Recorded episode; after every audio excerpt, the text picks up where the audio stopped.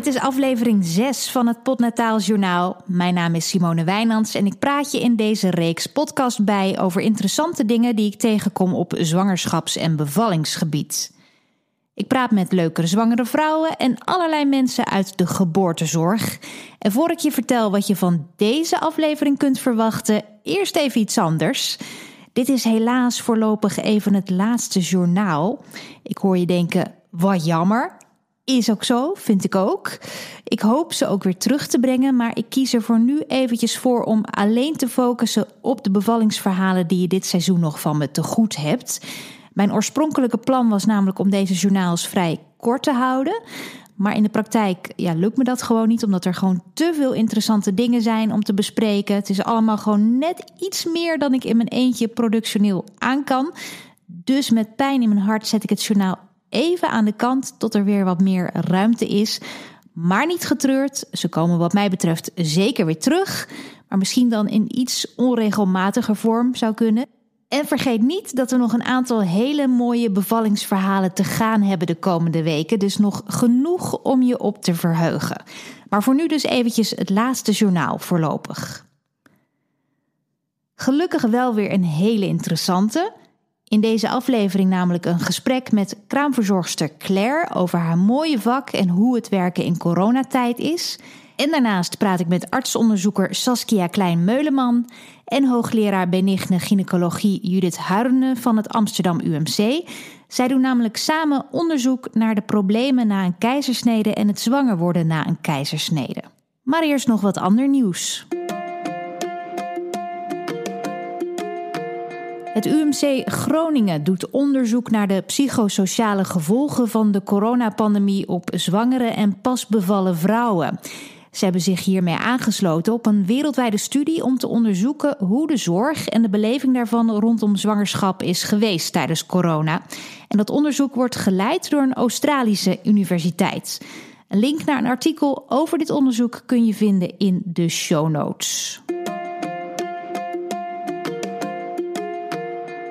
Een vandaag presentatrice Roos Mogré heeft in een scherpe column in de nieuwste Linda geschreven over haar laatste bevalling en dat ze het belachelijk vond dat ze geen ruggenprik kon krijgen op het moment dat ze erom vroeg in het ziekenhuis.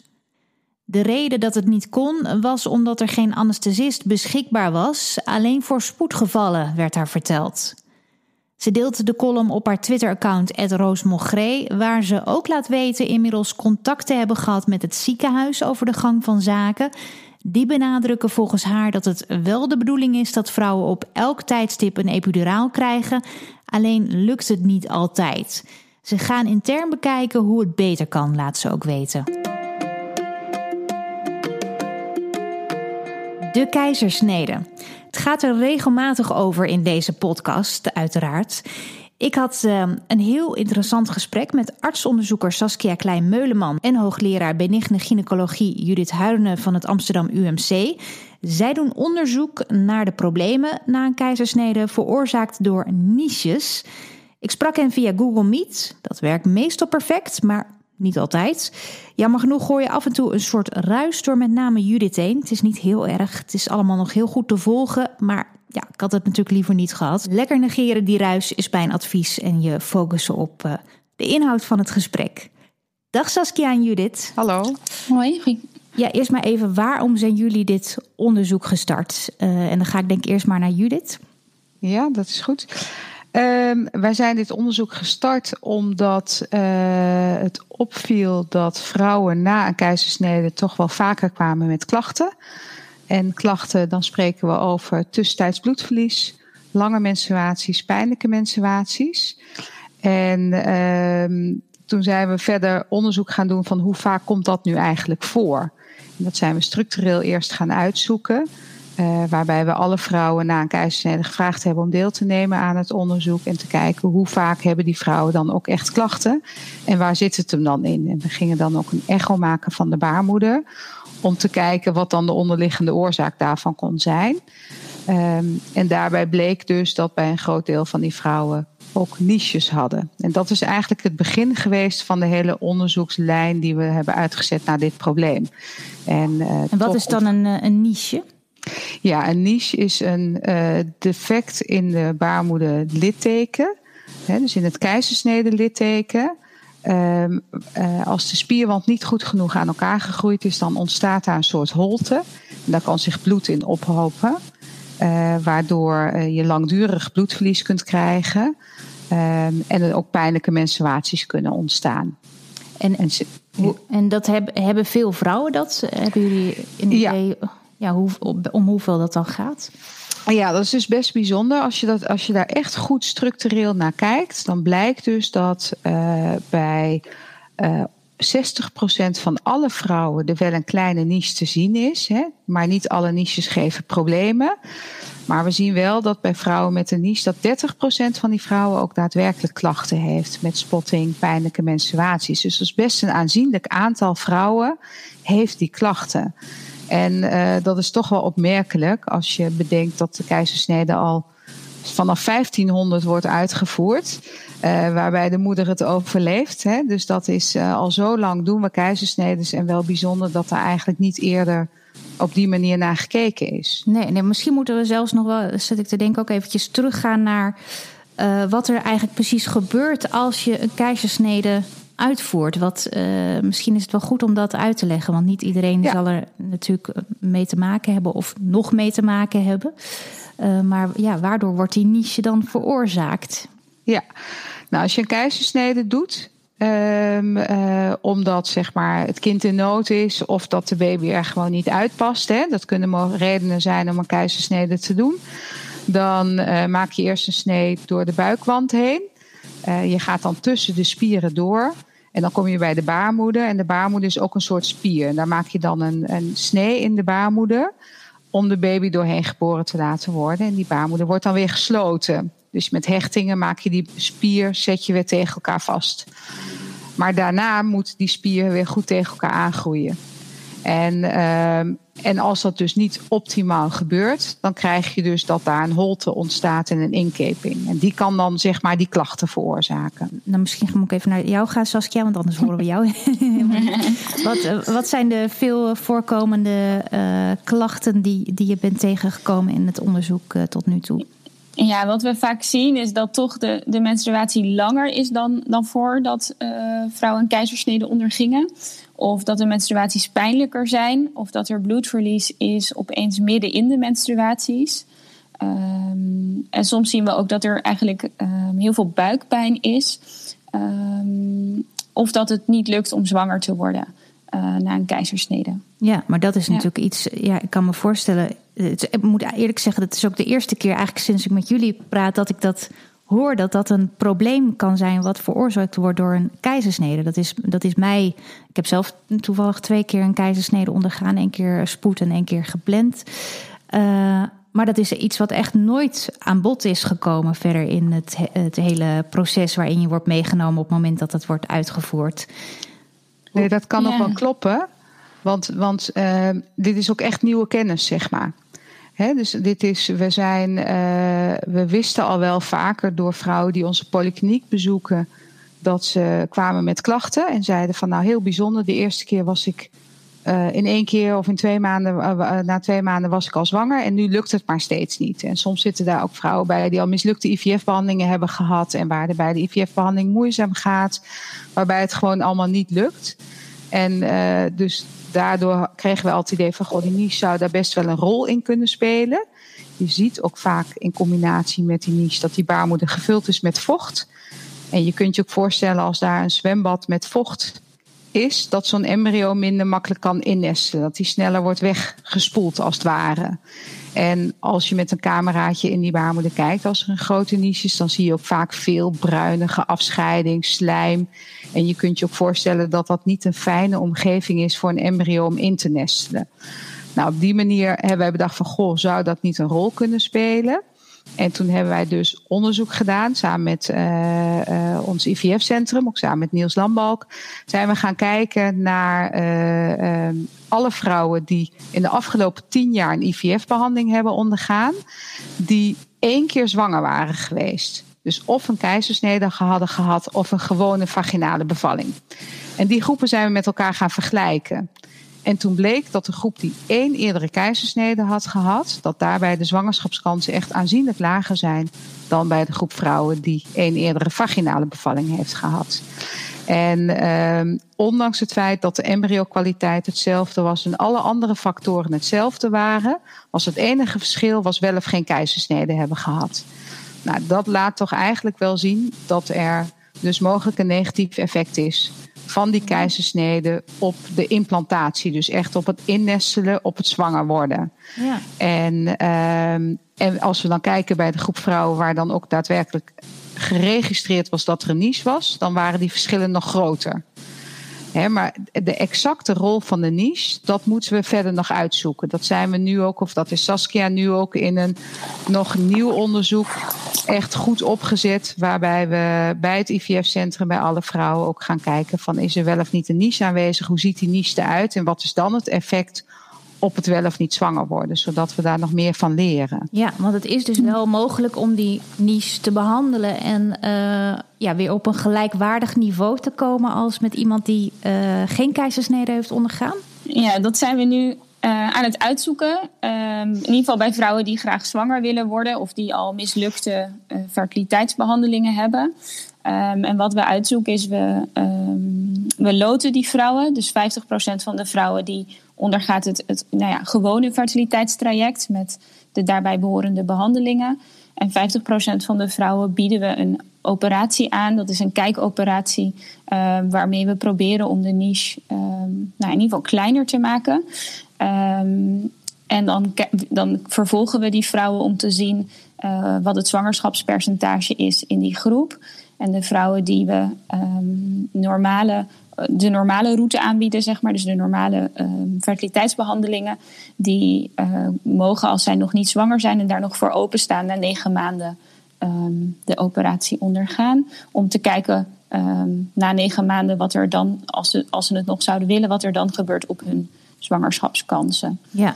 Um, en zo proberen we eigenlijk ja, het effect van deze operatie te onderzoeken.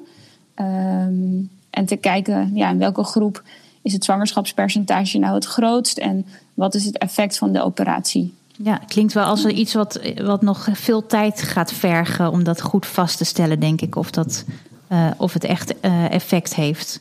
Ja, misschien kan ik daar nog een aanvulling aan geven. We hebben zeg maar uh, in een eerder onderzoek ook die hersteloperaties al wel onderzocht.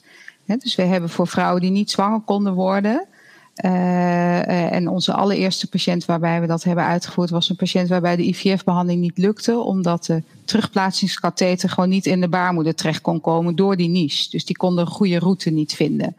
Dus er was eigenlijk geen andere mogelijkheid dan te proberen die niche te herstellen. Dus toen hebben we daar een, nou ja, een soort operatie voor ontwikkeld, een kijkoperatie waarbij we dat defect dan uitsnijden en die baarmoeder dan opnieuw hechten en opnieuw sluiten. Dus dat is echt een operatie onder algehele narcose uh, die we dan uh, uh, uitvoeren. Um, en um, nou, dat, is, dat is bij die patiënt, de eerste patiënt goed gelukt. Ze is daarna ook zwanger geworden, verder geen problemen gehad. En daarna zijn we dus een onderzoek gestart waarbij we alle vrouwen die echt problemen hadden en klachten hadden, zo'n hersteloperatie hadden aangedaan. Uh, als ze dat tenminste voor open stonden. En daar zijn eigenlijk best wel hele goede uitkomsten uitgekomen qua zwangerschapscijfers.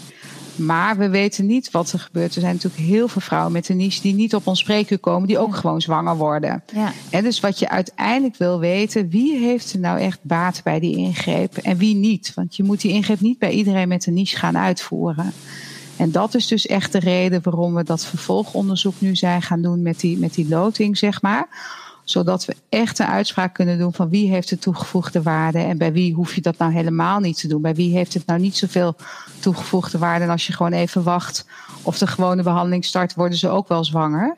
En die moet je dan natuurlijk geen operatie aan doen. Ja, en ik kan me ook voorstellen dat het streven ook uh, is om er eigenlijk aan de voorkant al voor te zorgen dat die niche dus niet zo'n probleem wordt. Dus dat je dus al tijdens de keizersnede zelf uh, misschien een andere aanpak hebt, zodat een hersteloperatie ja. niet meer nodig is. Nee, dat, dat, vind, dat zijn we helemaal mee eens. En uh, daarvoor hebben wij ook uh, uh, twee jaar geleden een onderzoek uitgevoerd. Dat heet de Too Close studie. Daar hebben wij een heel groot onderzoek gedaan. In 30 ziekenhuizen in Nederland hebben daar aan meegewerkt. En daarbij hebben we vergeleken of het sluiten van de baarmoeder tijdens de keizersnede in twee lagen ten opzichte van één laag sluiten, of dat ook voordelig zou zijn. De reden waarom we dat gingen onderzoeken is dat uh, vroeger, twintig jaar geleden, sloten we de baarmoeder altijd in twee lagen. En we zijn dat op een gegeven moment, zeg maar twintig jaar geleden of vijftien jaar geleden, zijn we dat gaan veranderen naar één laag sluiten. En we dachten, nou, misschien heeft dat er wel mee te maken dat we nu meer niches zien dan dat we dat misschien vroeger zagen. En, uh, maar uit dat onderzoek blijkt, waarbij meer dan 2000 vrouwen hebben meegedaan, dat er geen enkel verschil is tussen twee lagen sluiten of één laag sluiten. Dus daar oh. zit het hem niet in. Nee, nee. Wat, wat we wel zien is dat als je meer ervaring hebt met keizersneden en dat goed uitvoert, dat dat mogelijk wel een rol speelt. Dus ik denk dat we wel aandacht moeten besteden aan hoe je de keizersnede uitvoert, goede training. Dus dat dat wel heel erg belangrijk is. En we zijn nu ook nog weer met een nieuw onderzoek bezig. Want we denken ook dat verklevingen een rol zouden kunnen spelen. En daar zijn we nu met een kleiner onderzoek bezig om te kijken of dat inderdaad zo is. En als blijkt dat dat ook uh, de eerste resultaten positief zijn, dan willen we daar ook een groter onderzoek naar uitvoeren. Ja, want hebben jullie nou ook het idee uh, ja, dat vrouwen misschien nog niet goed genoeg worden voorgelicht over alle bijkomende uh, ja, klachten die je eigenlijk kunt ervaren ook uh, na een keizersnede? Ik had zelf namelijk bijvoorbeeld het laatst met iemand over in deze podcast die zei ja. Uh, ik wist echt niet dat ik maanden na mijn keizersnede nog met een behoorlijk zwangere buik zeg maar rond zou lopen en dat, uh, dat ik uh, ja ook pijn zou ervaren, hè? dus dat je nog steeds uh, de, een lange tijd pijnklachten ervaart aan de aan de binnenkant. ja. ja. Dat, dat, dat ja, van die dingen zijn. Ik denk dat als ik mijn eigen, uit mijn eigen ervaring spreek over de gesprekken die we op de polykliniek voeren met de vrouwen, bijvoorbeeld als het gaat naar een geplande keizersnede, dat we daar nog onvoldoende aandacht voor hebben. Um, en misschien ook wel onvoldoende aandacht voor de nazorg na zo'n keizersnede. En dat dat iets is waar we in de toekomst misschien wel ja, betere aandacht voor mogen hebben. En ook de klachten serieus moeten nemen als die er zijn. En soms wordt er misschien toch over een keizersnede vrij gedacht van, nou ja, je kan vaginaal bevallen of een keizersnede. In plaats van dat er, ja, het is toch een operatie die ook um, nou ja, nadelen met zich meebrengt. Ja, ja. kijk, het wordt natuurlijk in Nederland nooit uitgevoerd zomaar. Dat, uh, daar moeten we gewoon. Uh, dus het is altijd nodig en een afweging natuurlijk die wordt gemaakt. Zeker, daar zijn we gelukkig in Nederland, zeg maar. Uh, als je kijkt naar de, ook, ook de aantallen die we in Nederland uitvoeren van de keizersnedes, dan zitten wij relatief laag. Hè? Dus eigenlijk zitten we rond het percentage wat ook de World Health Organization adviseert. En dat is ook niet zonder reden. Hè? Dus dat is denk ik, ik denk dat, en dit onderzoek onderschrijft dat ook alleen maar. En ik denk dat de nieuwe inzichten die we hebben, zoals spotting en, en mogelijk eh, dus de mindere kans op zwanger worden, dat dat wel iets is wat we eigenlijk in onze folders mee zouden moeten nemen voor vrouwen die een keuze hebben om een keizersnede te ondergaan. Hè? Dus als je een geplande keizersnede hebt, denk ik dat dat zeker besproken moet worden. Als je in spoedsituatie een keizersnede moet gaan ondergaan, dan kan je dat niet allemaal bespreken. Maar het zou wel handig zijn om na afloop bij de nakontrole te krijgen van waar moet je op letten. En, en dat is ook iets waar wij nu mee bezig zijn. Bij uh, in zijn algemeenheid na operaties is advies over hervatting van dagelijkse activiteiten, maar ook wat je kan verwachten na een operatie, is super belangrijk. Daar hebben wij ook zeg maar, bij ons in het ziekenhuis ook eerder onderzoek naar gedaan. En daar hebben wij ook een interventie voor ontwikkeld voor de gewone operaties. Dat is de Ik Herstel interventie. En die geeft op maat advies voor patiënten, individueel advies. Um, en dat blijkt ook heel erg effectief te zijn. Dat, dat geeft betere tevredenheid, minder onzekerheid en ook snellere hervatting van alle activiteiten. En die hebben wij dus tot nu toe ontwikkeld voor uh, baarmoederoperaties, kijkoperaties, al dat soort dingen. En die zijn wij dus nu aan het ontwikkelen voor na een keizersnede en de bevalling. Okay. Dus, uh, dus wij willen, dus als het goed is, uh, zeg maar, verwachten we dat we over een jaar, hopen we, dat we dus ook op maat gerichte adviezen hebben die dan in die interventie ingebouwd zijn, zodat die ook gebruikt kunnen worden. Ja, ja. Maar... En uh, dus, dus er is hoop. Zeg ja, maar. ja, precies. Dit is uh, dus een onderzoek wat nog lange tijd gaat uh, lopen. En hebben jullie daar ook nog mensen voor nodig? Kunnen vrouwen zich aanmelden? Als ze ja, hier ja, interesse in hebben? Ik denk dat als vrouwen klachten hebben na een keizersnede, dat je altijd, nou ja, in eerste instantie met je eigen gynaecoloog of in je eigen centrum daar gewoon een afspraak kan maken. Maar dat je altijd mag vragen als ze er niet uitkomen of als je denkt, nou, ik, ik wil toch nog eens een, een andere blik, om een doorverwijzing naar onze niche poli. En dat is echt een, een specifieke poli die wij um, nou, gedurende uh, af en toe houden. Om um, echt specifiek te kijken naar klachten na een keizersnede. En nou ja, te kijken wat we kunnen doen. Um, en dat hoeft inderdaad niet altijd een operatie te zijn. Uh, maar wel samen met de patiënt kijken wat ons advies zou zijn om daar uh, nou, de klachten te verminderen. Ja, ja. ja precies. Ja, maar de oproep is wel om eerst gewoon naar je eigen huisarts te gaan en eerst naar je eigen gynaecoloog. Hè? Want er kunnen ook hele andere redenen zijn van klachten. Hè, dus niet alle pijn na een keizersnede uh, is ook gerelateerd aan de niche. En het is ook belangrijk om niet te vroeg al te denken dat er een probleem is. Want bloedverlies en, en abnormaal bloedverlies in de eerste maanden na een keizersnede is ook wel normaal. Hè? En als je borstvoeding hebt gegeven en je uh, gaat stoppen met de borstvoeding en je menstruatie moet weer op gang komen, dan heb je natuurlijk vaak ook wel één of twee maanden nodig om je normale menstruatie weer terug te krijgen.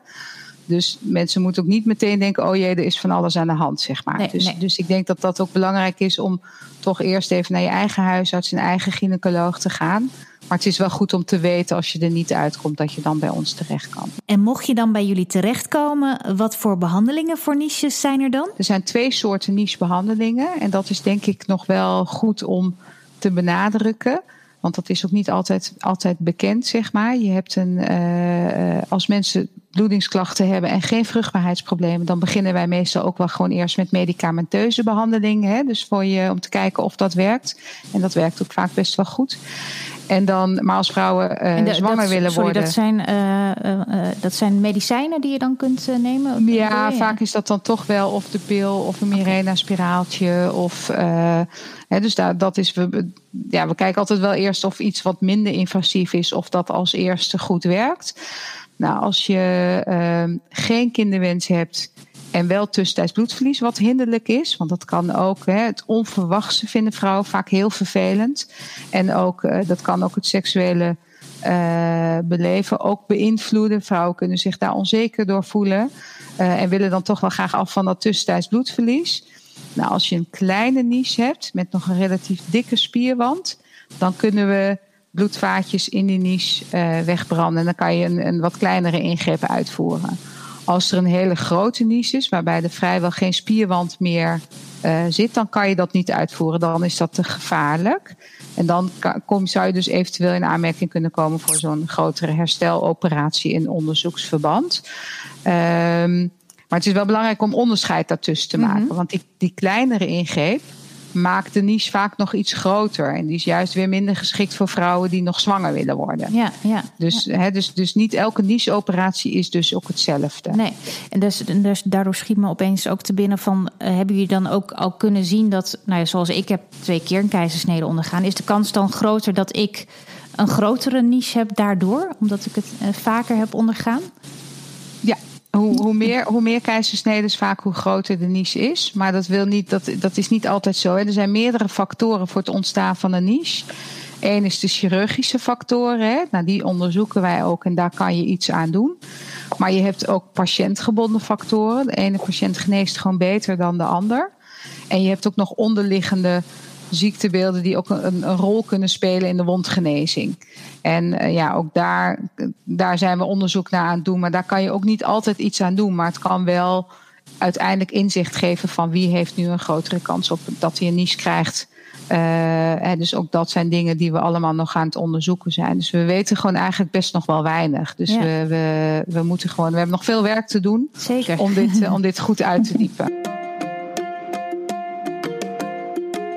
Als je dan graag meer wil lezen over het onderzoek van Saskia en Judith, ga dan even naar de show notes van deze aflevering. Daar heb ik namelijk een link geplaatst naar hun site. En daarop kun je bijvoorbeeld ook allemaal interessante filmpjes uh, vinden om te zien hoe zo'n niche waar we het over gehad hebben er dan precies uitziet. Dus check dat eventjes in de show notes van deze aflevering.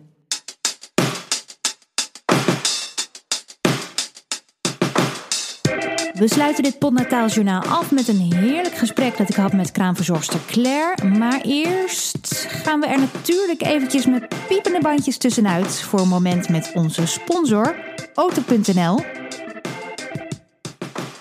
Als voor iemand een auto onmisbaar is, dan is het denk ik wel voor een kraamverzorgende of verloskundige.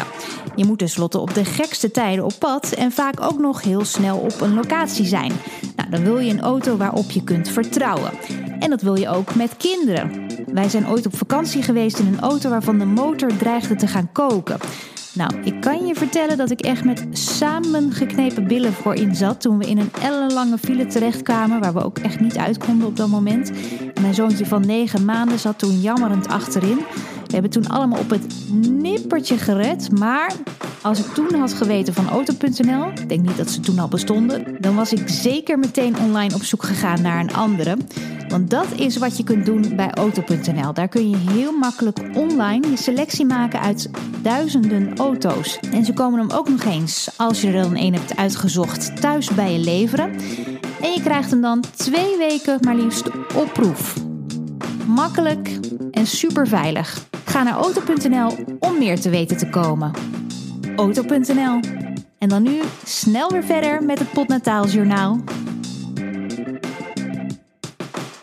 Claire van Eyck is kraamverzorgster bij Kraam Co uit Apkoude. Ze is ook vaste luisteraar van de podcast en volgens mij een hartstikke leuk mens.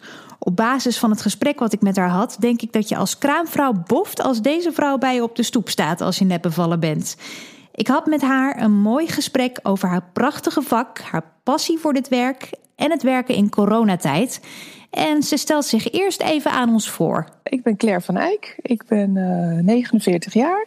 Ik ben getrouwd. Ik heb drie prachtige dochters van 21, 18 en 16. Uh, wij wonen in Loenen aan de Vecht.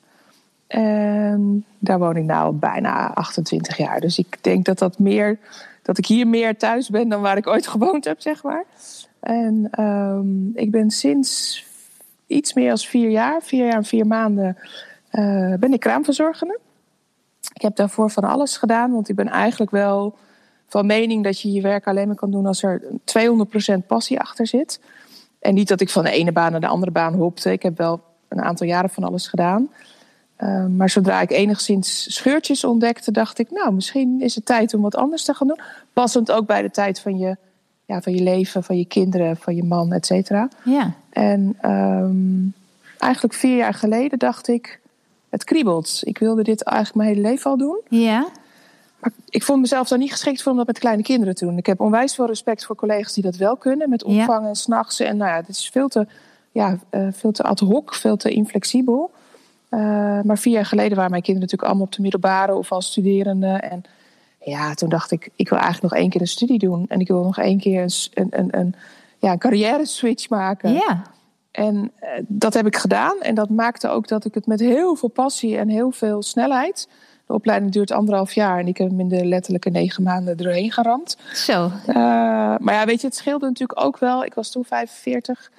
Ik was leerling, maar heel veel gezinnen zeiden op een gegeven moment: waarom loopt er een collega met je mee? Want hoezo ben jij een leerling? Ja, weet je? Ja. Dus ja, dat ging vrij snel. Ging ik ja, los de gezinnen in, want ja, weet je, ik heb natuurlijk mijn drie kinderen opgevoed. Ja. Uh, ik heb zeven jaar lang ben ik gastouder geweest. Al mijn kindjes hier aan huis. En, um, dus ja, ik, ik, ik, raak ook niet zo gauw in paniek. Je had al wat praktijkervaring, zeg maar. ja, ja, en dat maakt ook wel. En ik vind ik wel fijn. Ik heb een rugzak. Ja. En ik merk dat ik dat in mijn werk heel fijn vind. Ja, dus vandaar de switch vier jaar geleden. Wow. En uh, ja, ik vind het tot op de dag van vandaag nog steeds... Uh, een hele coole baan. Ja, maar ik vind het ook bijzonder ja. dat je echt dat je het, de stap hebt genomen om inderdaad op latere leeftijd zo'n uh, ja. zo'n switch te maken. Dat, dat durven niet veel mensen. Ik denk dat de, de nou meeste mensen wel heel... liever vasthouden ja, aan wat ze hebben. En uh, ja, om dan toch weer die onzekerheid in te gaan. En weer dan moet je toch wel over een drempeltje heen stappen, denk ik. Ja, en heel veel mensen in mijn omgeving vonden het stoer en, en typisch jij. Maar ook ik heb er nachten van wakker gelegen. Ook voor mij was het spannend. En ik denk wel dat je het ook wel ehm, ja, je gezin daarachter moet hebben. Mijn man zei, joh, weet je, doe maar. En, en we zien het wel. En, en je vindt, ik, hij zei wel, ga wel iets doen waar werk in is. Ja. Dus ik heb echt heel bleu, dat vergeet ik nooit meer, heel bleu naar een bureau in Amsterdam gebeld. Met vertellen wie ik was en wat ik van plan was. En die dame zei, maar er zijn altijd baby's. En als ik jou zo hoor, het is dat je je diploma nog niet hebt, maar je kunt morgen bij mij beginnen. Dit is zo'n overspannen uh, uh, wereld, zeg maar, dat als jij morgen een andere baan wil, het is niet voor mij tien anderen, het is voor mijn tien werkgever tien anderen. Ja, ja. En dat was ik niet gewend. Nee, waar kwam, je, van, waar kwam je uit dan? Wat was, wat was hetgeen wat je daarvoor uh, deed qua werk? Ik heb uh, van origine, ja, heel ver terug. Van origine heb ik toerisme gestudeerd en economie. En toen ben ik op een bank terechtgekomen, heb ik heel eventjes de reizenwereld aangetikt. Daar ben ik weggestolen. Toen heb ik negen jaar in de relatiegeschenken gezeten, verkoop. Dus ook wel wat met mensen en praten Ja. en dingen doen, en creatief. Uh, toen even thuis. Mijn man was toen voor zichzelf begonnen en we hadden inmiddels twee kinderen. En toen ben ik eigenlijk via Peuterspeelzaal leidster, daar heb ik de opleiding voor gedaan. Maar dat beviel toch niet helemaal, kindjes wat groter. Toen kwam ik in de opvang, daar de opleiding voor gedaan. Mijn huis helemaal laten ja, keuren, zeg maar. Dus eigen opvang. Ja, en toen ging het de laatste paar jaren, het ging hartstikke goed. Dus ik ben op het toppunt eigenlijk bedacht van... Ja, ik wil toch wat anders. Ik, wil, Ja. ik vind kindjes leuk en ik kan dit prima tot aan mijn tachtigste doen, denk ik. Ja, Maar het kriebelde zo. Het, het, het- ik dacht, ja, volgens mij vind ik die kraam toch wel stiekem... En ook verloskunde, maar dat was dan weer een opleiding van vier jaar. Ehm, en toen dacht ik, ja, weet je, ik kan beter iets doen... waar ik ook meteen vlot weer kan werken. ja, In ja. plaats van nog vier jaar studeren en dan pas werken. ja. Dat kriebelt overigens nog steeds, maar dat staat even in de ijskast. Nou ja, wie, wie weet. Ik, het zou me niet verbazen. Ja, waarom ook niet? Ja, nee, je nee, staat er wel heel is, open eh, in. Ja, nee, de switch. En ik vergeet nooit meer, 1 januari 2017 eh, had ik mijn eerste oproep voor een bevalling. En ik stond daar dus als een vlieg aan de muur, want je bent leerling, je mag niks doen. En toen heb ik letterlijk tegen mezelf gezegd, nou Claire, dit, dit is dus je werk straks. Dit is dus wat jij gaat doen. En ik kon alleen maar zelf tegen mezelf zeggen, maar dit is zo cool, dit is zo cool, dit is echt wat ik wil. Ja, had je dat al ooit al eerder ervaren bij welke bij alles Nee, ja, je mijn, gedaan? eigen bevalling. Oh, mijn eigen. Je bedoelt. eh, Dat gevoel van, oh, dit is echt wat ik wil. eh, wa- was dat echt de eerste keer Nee. dat je dat zo had? Ja. Ja, andere banen waren wel leuk. Daar rol je in, daar groei je in. En dit was echt een stap in het diepe. Dat ik dacht, ja, ik ken dit niet. En Nee. ik was nog niet met de opleiding begonnen. Natuurlijk heb ik mijn eigen bevallingen gedaan. En ik heb vriendinnetjes begeleid. Maar hmm, nee, dit was wel echt de eerste keer dat ik dat ook tegen mezelf zei. Van ja, maar dit is dus wat waar je zo meteen aan gaat beginnen. Dit is de stap die je genomen hebt. Ja. Ehm, en ik moet echt, echt eerlijk bekennen, en dat kun je ook aan mijn collega's vragen. Ik vind bevallingen het allerleukste. Ja? Wat, Wat, wat vind je er Ja. zo, eh, ja, zo geweldig Zo aan? bijzonder dat ik bij dat moment mag zijn. Zo'n intiem moment van twee mensen die geen idee hebben wat hun staat te wachten. En dat is natuurlijk bij een eerste, maar een tweede is het eigenlijk ook, want die bevalling is toch wel een fractie anders. En dat ik daar deelgenoot van mag zijn. En die serene rust en toch wel hard werken en, en naar, naar iets toewerken. En dan de ontlading van alle mensen en het daarna weer helemaal netjes maken en schoonmaken. Dat, dat er lijkt alsof er niks gebeurd is. En, en die, die dankbaarheid, ehm, ja, dat vind ik toch echt wel een toevoeging aan mijn vak. En natuurlijk de week daarna dan. Uh, maar ik werk ook heel veel bij gezinnen die in het ziekenhuis bevallen. Of waar een andere collega de bevalling doet. En dat maakt het niet minder speciaal, minder. Maar het is net even die touch. Dat als je bij de bevalling bent geweest en je mag dan ook de week daar doen. Dat zijn wel echt de slagroomtuntjes op de taart. Ja, Ja, dat ja. is wel echt kerst op de taart. Ja. Ja, en dat is voor, het is ook heel andersom ook heel waardevol eh, voor heel veel vrouwen en gezinnen als ze een goede kraamhulp eh, in huis eh, hebben. Ja, Dat, dat is wel iets wat ik continu terughoor. Als mensen tevreden zijn met de kraamhulp, dan, dan worden ze helemaal verafgoot zo'n beetje. Ja, omdat het En, is, en soms ook niet, maar dat geeft niet. Dat is, dat kan ook gebeuren. Dat kom je in alle, alle vakgebieden tegen. Maar Ja. Ja, ik. Denk, ik geloof ook wel erin. Ik weet niet of je dat zo ervaart, maar dat toch de meeste vrouwen en misschien ook wel mannen zijn niet zo heel veel mannelijke kraamverzorgers. Denk Ik zo, niet. nee, niet weinig. Maar dat de meesten wel het ook echt wel vanuit een, eh, een passie moeten doen. Want het is natuurlijk wel echt kei en keihard werken. Ja, het is niet, het is, je verdient niet de hoofdprijs. Daarvoor Nee. moet je het niet doen. En je moet, je moet dat verzorgende in je hebben. En, en wel allround verzorgende. Ja, je moet echt wel passie voor je werk hebben. En, en ik heb wel eens ehm, vriendinnetjes van de, dochter van mijn vriendin gesproken. En die zeiden dan: Oh ja, jij bent kraam. En oh, wat interessant. En dat wil ik misschien ook doen, want ik ben zo dol op baby's.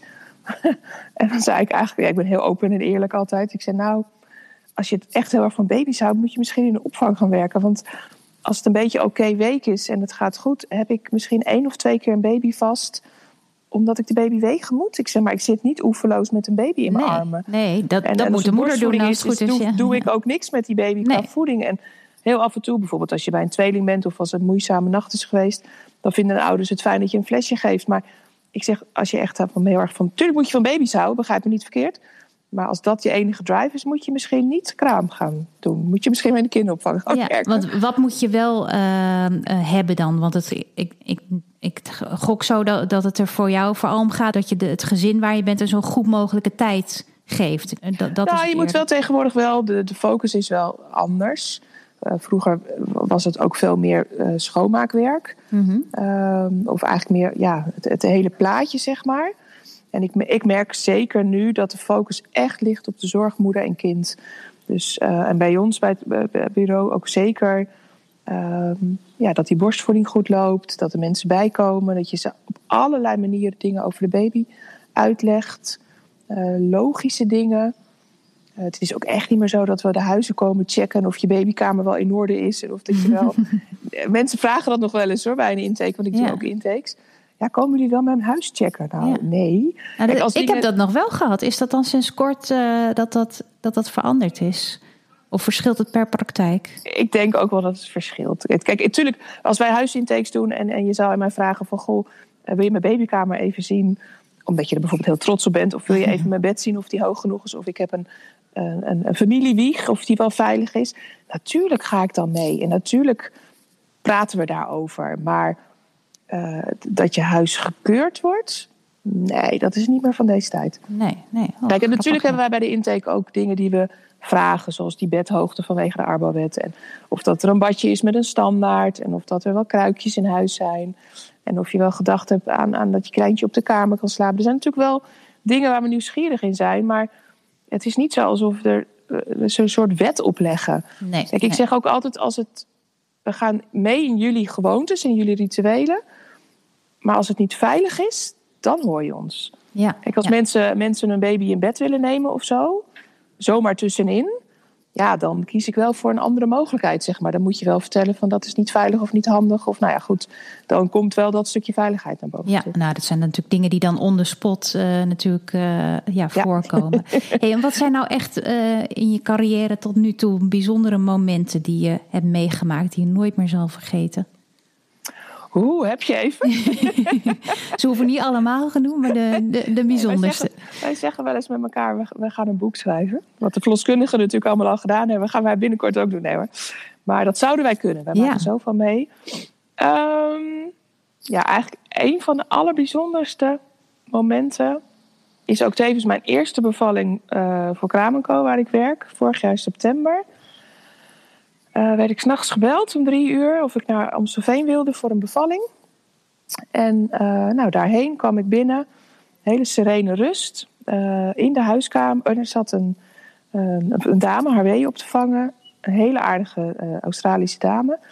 Een Nederlandse meneer en een verloskundige. En op de achtergrond, dat vergeet ik ook niet meer, stond Jane the Virgin aan. Want dat was ze aan het kijken tijdens de stop. En dat ik dacht, je bent aan het bevallen, maar goed. En... Um, nou, het ging eigenlijk heel vlot. En de bedoeling was dat ze in het ziekenhuis zou bevallen. Maar het ging zo lekker en zo vlot dat de beslissing genomen was dat het thuis was. Dus vandaar dat ik ook ingevlogen werd. En um, nou, op een gegeven moment de handen en voeten tegen de bank aan. En dat was niet bij een eerste bevalling, zeker niet. Maar ik had wel op een x-moment... De verloskundige had besloten dat het wel mooi zou zijn... als de baby in de vruchtzak geboren zou worden. Had ik nog nooit meegemaakt. Dus ik dacht, nou prima, mooi... En je vaart tijdens zo'n zo'n bevalling vaar je absoluut op de verloskundige. Natuurlijk heb je een uh, input, maar zij bepaalt en zij beslist en zij vraagt en zij. Je bent meer een soort assistent eigenlijk uh, op dat absoluut, moment. Ja. absoluut. Kijk, er zijn heel veel verloskundigen waar we heel veel mee samenwerken die voelen meer aan als team. Die, die weten ook van nou dat, weet, dat hebben we aan haar, dat kan ze, dit doet ze. Uh, maar in, in zij zijn hoofd zeg maar verantwoordelijk. Dus zij zei, nou, baby in de vliezen gebroken, of uh, vliezen geboren, prima. En er kwam een baby, een beetje, dacht ik. En ik dacht nog, goh, wat bijzonder met zo'n vliesje eromheen. Maar ik dacht ook, wat een klein hoofd heeft deze baby. En wat bleek is die baby. Want de meeste hoofdjes die geboren worden, zijn heel erg doorbloed en heel erg gestuwd. En er staat ook heel veel kracht op, zeg maar, als je dat echt geboren ziet worden. En dat leek er niet zo erg op. En dat zag de verloskundige ook. En die brak op een gegeven moment de vliezen. En toen kwam er in plaats van een hoofd, kwamen er twee beentjes. Want deze baby lag in stuit. Oh. En wilde er ook in stuit uit. Want ja, zo lag hij. Alleen dat was niet voorzien, want de verloskundige had een uur daarvoor nog gevoeld. En toen lag alles goed. En we hebben uiteindelijk heel veel gesprekken ook gehad. Want ja, waar, waar ging nou mis? Ging dit mis? Uh, hoe, hoe dan? Ja. En het kan zijn, het was niet zo'n hele grote baby. Het kan dat hij tijdens de bevalling gedraaid is. Maar dat kunnen we natuurlijk nooit meer achterhalen. Nee. Um, maar dat was dus een hele bijzondere ervaring. Want er kwam dus een baby in stuit in een thuissituatie. Ja. En ik heb heel erg de vader, ook die ik ook de vader is heel erg goed in de gaten. En ik vroeg nog, wil je je kindje geboren zien worden? Ja, ja, ja. Maar toen dacht ik op een gegeven moment, ja, dit is wel een beetje een gekke situatie. Want nu komen de eerste beentjes. En hij keek toch mee en hij bleef heel rustig. En ik heb ook uh, de zorg daar gedaan uiteindelijk. En ook heel veel met hem nagepraat. Want dat is dan wel fijn als je iets bijzonders meemaakt, dat je ook daarna nog kan praten. En hij zei: Ik vond het geen enkel moment eng, want jullie, jij en de verloskundige, bleven zo rustig. Ja. Alsof dit de normaalste zaak van de wereld was. En toen, ja, toen moeten wij allemaal een beetje grinnig, grinnig grappen, want dat is het natuurlijk niet, een stuit thuis. Nee. Überhaupt een stuitbevalling natuurlijk is redelijk uniek. En ook dat je, wel. dat je het niet weet van tevoren, inderdaad. Dat je er echt, eh, Nee. ja, ja. En het allermooiste was, en dat maakte ook wel die, die hele bevalling meteen weer wat luchtiger, is dat de moeder zei op het moment dat ze het kindje zeg maar, eh, op haar borst kreeg, want zij, we hebben haar niet verteld hoe die hing, zeg maar, hoe die geboren was, want dan ja, zou ze misschien in paniek raken en dat is niet de bedoeling tijdens een bevalling. En de- haar eerste antwoord was: Oh, maar ik ben ook in Stuit geboren. Ook in het, maar dan wel in het ziekenhuis, maar wel ook in Stuit. ja, ja. En dat was zo'n coole bevestiging van, hé, hey, oké. Dus ja, dat was heel, Ja. heel bijzonder. En, en wat het fijne was van, van mijn werk ook, is dat ze eh, ook oor voor mij hadden. Eh, ik was thuis in de loop van de ochtend. Eh een collegaatje heeft even die dag overgenomen, omdat ik natuurlijk bijna de hele nacht niet geslapen had. En toen zeiden ze, ja, bel straks even terug. Als je met een kop koffie op de bank zit, bel je even terug. En dan ga je ons alles vertellen. En ik dacht, joh, wat overdreven. Ik ben toch oké, ik ga gewoon slapen. En, ik ben, maar, maar het was wel heel fijn om ook even... Want het was een heel bijzonder verhaal. ja. Een heel bijzonder moment ook. En even, gewoon even heel spannend, kan ik me Ja, voorstellen. Maar ja, heel jullie, spannend. het lukte jou dus gewoon om, om heel eh, rustig te blijven, het hoofd koel te houden. Want je moet natuurlijk dan gewoon op dat moment dealen met de situatie dat is wel, zoals dat die is is. wel echt wat van ons gevraagd wordt. Het heeft, eh verloskundigen hebben niets aan ons als wij daar als een soort kip zonder kop rond gaan rennen en in paniek raken. Nee, Weet je, we hebben onze taken. We weten als we binnenkomen, kijken we waar alles klaar ligt. Eh, de zuurstof, alle reanimatiespullen ligt allemaal afgedekt, maar wij moeten dat wel weten. Ehm, en ze varen ook op onze rust. Ja. Want ja, ze hebben er niks aan als wij als een soort eh, kip zonder kop rond gaan rennen. Nee, nee, nee. Ehm, daar wordt niemand blij van. Nee, wat bijzonder. Ja, ja, ik vind het ontzettend knap. Ja, ik, ik denk gewoon niet, ik, ik zou het niet kunnen, denk ik. Ik vind het al een hele verantwoordelijkheid voor mijn eigen kinderen. Laat staan dat ik, het, dat ik die verantwoordelijkheid zou moeten dragen voor het kind van iemand anders. Ja, ik, zou, ik denk dat ik het gewoon niet zou kunnen. Het is echt wel, een, eh, wat dat betreft, echt een, eh, ja, een, een vak apart. En eh, ja, dat, dat moet je wel in je hebben om, om dat te Ja, het is niet zo dat hoe meer bevalling je doet, hoe makkelijker je wordt. Maar ik moet wel, ik zou, ik zou liegen als ik zei dat ik het in het begin niet spannender vond dan nu. Het wordt, meer, het wordt niet nooit routine, want elke bevalling is anders. Eh, maar in het begin eh, zat er wel, als ik dan naar huis reed, zat er nog wel veel meer checkpoints in mijn hoofd. Van heb ik dat gezien, heb ik dat gedaan, heb ik dat verteld? En, en nu, ja, doe je dat gewoon. En heb je nooit meer dat je twijfelt. Tuurlijk zijn er altijd uitzonderingen, weet je. Er zijn ook oude kindjes of kindjes die het nog niet zo lekker doen. Of weet je, dan, dan ben je ook blij dat er maar een paar uurtjes tussen zit voordat de collega komt. Of daar blijf je gewoon wat langer s'nachts. Weet je, je rent niet zomaar weg. Nee, En ik denk wel dat, dat ehm, nu ik er ook zo over praat, dat dat ook wel het voordeel is van wie ik ben, mijn leeftijd en mijn gezin, dat ik ook geen haast heb. Of ik, ik hoef niet om zeven uur thuis te zijn na een bevalling om mijn gezin naar school te brengen. Weet je, ik, al kom ik om tien uur thuis, eh, zij doen hun ding. En ik voel dat dat heel veel rust geeft. Ja, dat dat ik, niet weg hoef te rennen. En, en, en nogmaals, eh, niks ten nadele van mijn collega's die dat wel moeten. Maar dat maakt voor mij dat ik veel rustiger mijn werk kan doen. Ook smiddags als ik als er nog wat gebeurt, ja, nou ja, dan eten we maar wat later. Prima. Ja, ja dat snap ik helemaal. Ja, ik denk dat, dat helpt mij persoonlijk heel erg. Door, me, door wie ik ben. En, en... Het klinkt heel logisch. Ik denk dat het gewoon in, voor heel veel mensen, je zult gewoon ervaren, ja, als je jonge kinderen hebt, dat is gewoon een hele zware periode. Omdat je dan vaak al minder slaap hebt. En je kinderen vragen gewoon meer. Uh, verzorging van je. Dus die eerste periode met jonge kinderen. Dat ja, je bent net een octopus. Ik heb er drie. En, en, en ik wist van voor naar achter soms niet eens dat ik dat ik zelf ook nog iets kon doen of kon, moest doen of eten. Of, nou ja, dat is niet waar. Maar, nee, maar dat is wel zo. Je bent een stuk rustiger in, je, in fase van je leven. Ze zijn gewoon wat zelfredzamer uh, als het goed absoluut, is. Uh, absoluut. Je hebt misschien af en toe wat, wat puberprobleempjes. Dat is ook weer een hele nieuwe fase uh, waarschijnlijk. Valt ook mee hoor. Valt ook mee. je, je hebt het getroffen met ze in ieder geval. Ja, dat denk ik.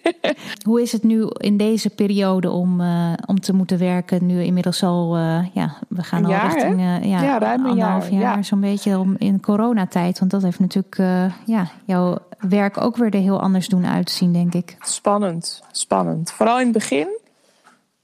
toen we startten wisten we, niemand wist natuurlijk wat er op ons afkwam. En uh, we kregen bijna dagelijks nieuwe protocollen. En op een gegeven moment had ik ook voor mezelf een modus bedacht. Want ik weet het ook niet. En mensen, als je bij mensen werkt, um, dan gaan ze ervan uit dat je goed voorbereid bent. En dat is ook zo. Maar er veranderde zoveel dat ik, als ik dan een nieuwe mail kreeg met protocollen, die opende ik letterlijk in het gezin. Van, oh, we hebben vandaag nieuwe protocollen. Ik, ik mag niet meer jullie handdoek gebruiken. Ik moet mijn eigen handdoek krijgen elke dag. Of een keukenrol om mijn handen af te drogen. Um, oh, ik moet nu met een mondkapje gaan werken. Oh, ik moet nu mijn handschoenen meer dragen. Uh, oh, we gaan nu. Weet je, het zijn zoveel. En dat was niet, is niet erg hoor. Ik bedoel, het is fijn dat je, dat je handvaten hebt. Die vind ik altijd heel prettig. Maar in het begin was het heel spannend. Ik vergeet ook nooit meer. Eigenlijk een van mijn eerste gezinnen, of eigenlijk het eerste gezin in corona. Um, was een appartement. En meneer moest. We waren heel erg bezig met handen wassen wel. Het was de wc-papiercrisis. Oh, ja. En zij hadden geen wc meer. dus hij moest, hij moest aangifte gaan doen van de geboorte van zijn dochter. En hij moest op wc-papierjacht. En dat duurde best lang. En toen kwam hij terug en het was hem uh, niet gelukt. Ze gingen uiteindelijk online wc-papier bestellen. Dat ik ook ja, zei, zal ik gewoon morgen zelf maar wat meenemen? Want ja, ik voelde me bezwaard om naar het toilet te gaan. Dat, kan je, dat is echt zo idioot over zoiets simpels. En toen kwam hij binnen en hij stond bij de keuken en hij ging zijn verhaal doen, enthousiast als hij was. En zowel de moeder als ik zaten allebei een beetje van: uh, je moet je even je handen wassen, want je bent buiten geweest. Uh, ga, wanneer ga je je handen wassen? En toen zei die moeder: uh, Lief, wil jij even je handen wassen? Oh ja, ja, ja, ja, ja. Ja, en doe ook maar even je armen. Want je hebt natuurlijk met de armen de deur open gedaan. Met je elleboog. En toen zei zij grappend, en hij schrok in eerste instantie: Ik wil eigenlijk liever dat je gewoon even helemaal gaat douchen. Want je bent buiten geweest. Gek, hè? Maar dat, ja, maar ja. dat was er toen. Ja, ja. Het, het was de, ja, de boze buitenwereld. Ja, dat kun je niet voorstellen eigenlijk dat bijna kun je meer. Niet voorstellen. Ja. Nee. nee. nee dat, natuurlijk hebben we natuurlijk geen visite, raamvisite. Uh, wel visite, geen visite als wij aan het werk zijn. Uh, afstand bewaren, mondkapjes. Um, ja, um, collega's die uh, toch corona krijgen. Gezinnen die corona krijgen. De, ja, je, ik was er wel veel meer mee bezig in het begin. Ook met alle besmettingen. En, en nu ben ik nog steeds heel voorzichtig en ben ik nog steeds wel op mijn op mijn hoede. Uh, en je praat er wel makkelijker over. Dat merk ik wel. In het begin was het een beetje een soort van taboe. En nu vraag ik gewoon aan gezinnen ook van... Goh, hebben jullie het gehad? Hoe, wat doen jullie voor werk? Ja. Uh, zijn jullie veilig? Uh, wat vinden jullie van corona? Um, en, en dan, ja, je moet het, je, laat ik het zo zeggen, je moet als kraamverzorger, als je binnenkomt, ga je toch al een kennismakingsgesprek aan met volstrekt vreemde mensen, maar vice versa ook. En zij bieden mij een kopje thee aan en na een uur ga ik thee voor hun maken. En dat is natuurlijk gek, want je kent elkaar niet en ineens zit er iemand in je huis. Dus je moet dan een soort van uh, la van vertrouwen opentrekken. Van ja, dit, deze vrouw is oké, okay, die komt Ja. me helpen. Ja. En die gaat in mijn, in mijn keuken en dat is oké. Okay. En nu pak je door van meteen over je gezondheid en over je corona en over hoe je erin staat. Ja, gek hè? Ja, dan- het is nu, maar het is gewoon nu, ja, het is niet normaal, maar het hoort toch wel een beetje nu bij het normale leven. Dus Het is niet meer zo, ja. ja niet meer zo'n crisisgevoel zoals we aan het begin allemaal hadden. Nou, we dachten toch allemaal dat we, dat we toch wel een soort van dood gingen als we het kregen. Ja, weet je? En ook, voor, ook voor de moeders en ook voor de ziekenhuizen. Hoeveel moeders ik niet in angst heb gehad van ja, ik wil in het ziekenhuis bevallen, maar dat mag niet. Of mijn man mag niet mee, of mijn moeder kan niet mee en thuis wel. En ja, ik merkte wel dat we meer thuisbevallingen hadden in het begin. Ja. En dat, dat zwakt nu weer een beetje af, omdat de ziekenhuizen meer op orde zijn. Uh, en ik weet niet of dat landelijk is hoor, maar dat is meer dat mijn is wat jij ziet, ja. ik het merk. Ja. Maar, uh, en ik merk wel dat, en dat vind ik heel prettig natuurlijk, heel veel zwangeren toch wel in een soort van ja, thuisisolatie al zitten. Ja. Omdat we nog steeds niet weten wat, ja.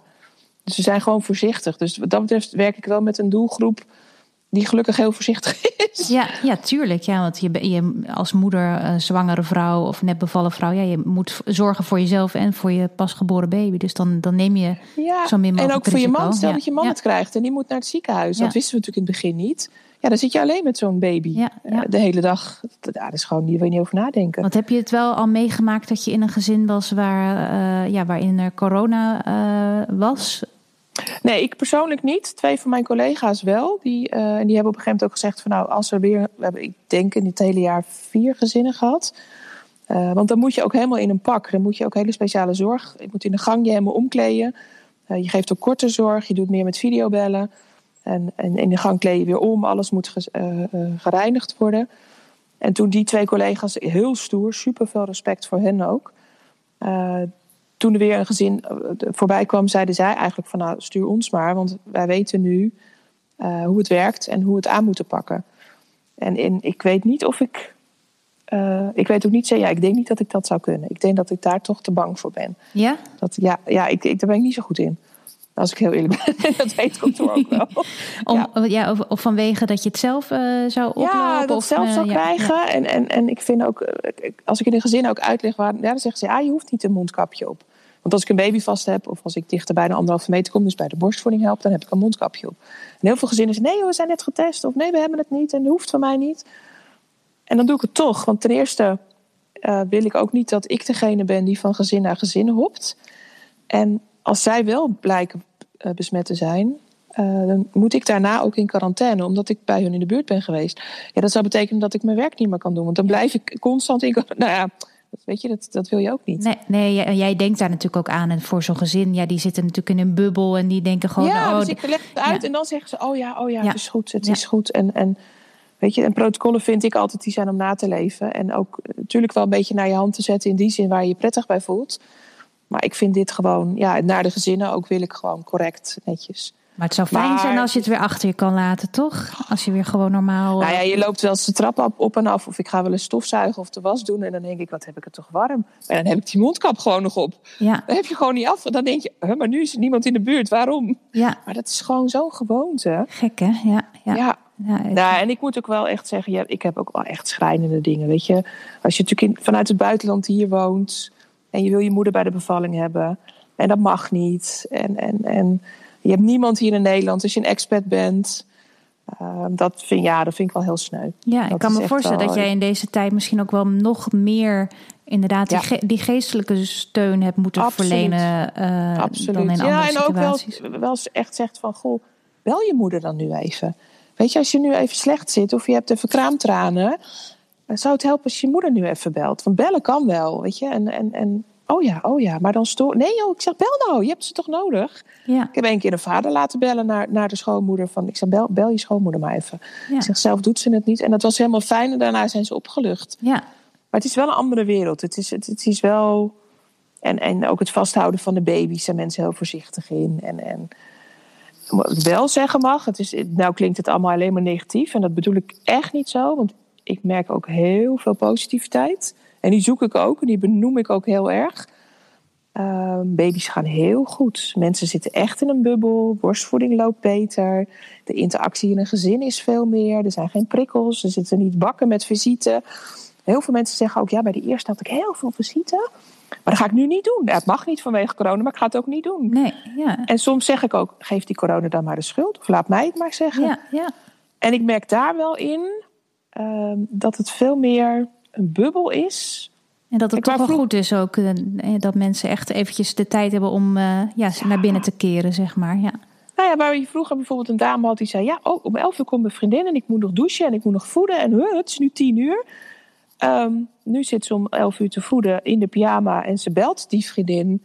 En, en het is ook prima. ja. Dus Ja. dat is wel, ja, dat probeer, ik probeer het heel positief te benaderen. Want weet je, ja, het is er. Het gaat niet weg voorlopig. Nee. En die baby's die gaan gewoon door. Precies, ja, nou zeker. Ja, ja. Dus in het begin dachten ze nog dat er een enorme babyboom misschien zou komen. Maar nu las ik Nou, van de week weer dat het, wel, weer, dat het ook weer mee... Tenminste in Amerika eh, zijn er dan weer minder baby's geboren. Dus ik weet niet eh, of ze de cijfers hier al hebben. Volgens mij nog niet. ja, ik, maar- zag, eh, ik zag de cijfers van februari. Ja? Februari 2021 en februari 2020. En daar was een, een grote stijging in 2021. Oh ja? Oh, Ja, nou, dus er is wel. En, en ehm, de komende maanden wordt het ook druk. En wat we natuurlijk heel veel horen, maar dat zul je ook voorbij zien komen, zijn de wonderbaby's. ja. De mensen, de mensen die zeg maar in een, in een traject zaten en, en door wat voor reden dat nu zeg maar onhold is of langere wachttijden en toch spontaan zwanger zijn. ja, Dat is echt zo bizar. dat is toch ook wel een mooi positief Ja. effect eh, van het hele Vind ik wel, gebeuren. vind Tenminste, ik als, wel. ja, we weten, we kunnen het natuurlijk niet eh, onderzoeken. Wat, eh, maar het, het is wel opvallend, laten we het zo zeggen. Ja, maar goed, ieder, ieder baby is natuurlijk een wonder en bijzonder. Dus, maar deze vind ik dan wel extra. Je hoorde kraamverzorgster Claire van Eyck. Mooi mens. Tot zover deze aflevering van het Podnataalsjournaal. Volgende week woensdag weer een nieuw bevallingsverhaal. Als je iets online aan me kwijt wil, dan kan dat natuurlijk via @podnataal. Daar kun je ook eh, allerlei tips vinden die ik eh, plaats en deel. En natuurlijk foto's van de mensen die ik spreek als je er een eh, gezicht bij wil hebben. Of je kunt me daarnaast volgen op uh, op Instagram. En ja, met een goede recensie ben ik natuurlijk altijd hartstikke blij. Die mag je dan weer achterlaten in iTunes als je er tijd voor hebt. En abonneer jezelf op deze podcast, zodat je nooit meer een aflevering mist. Dankjewel voor het luisteren en tot de volgende.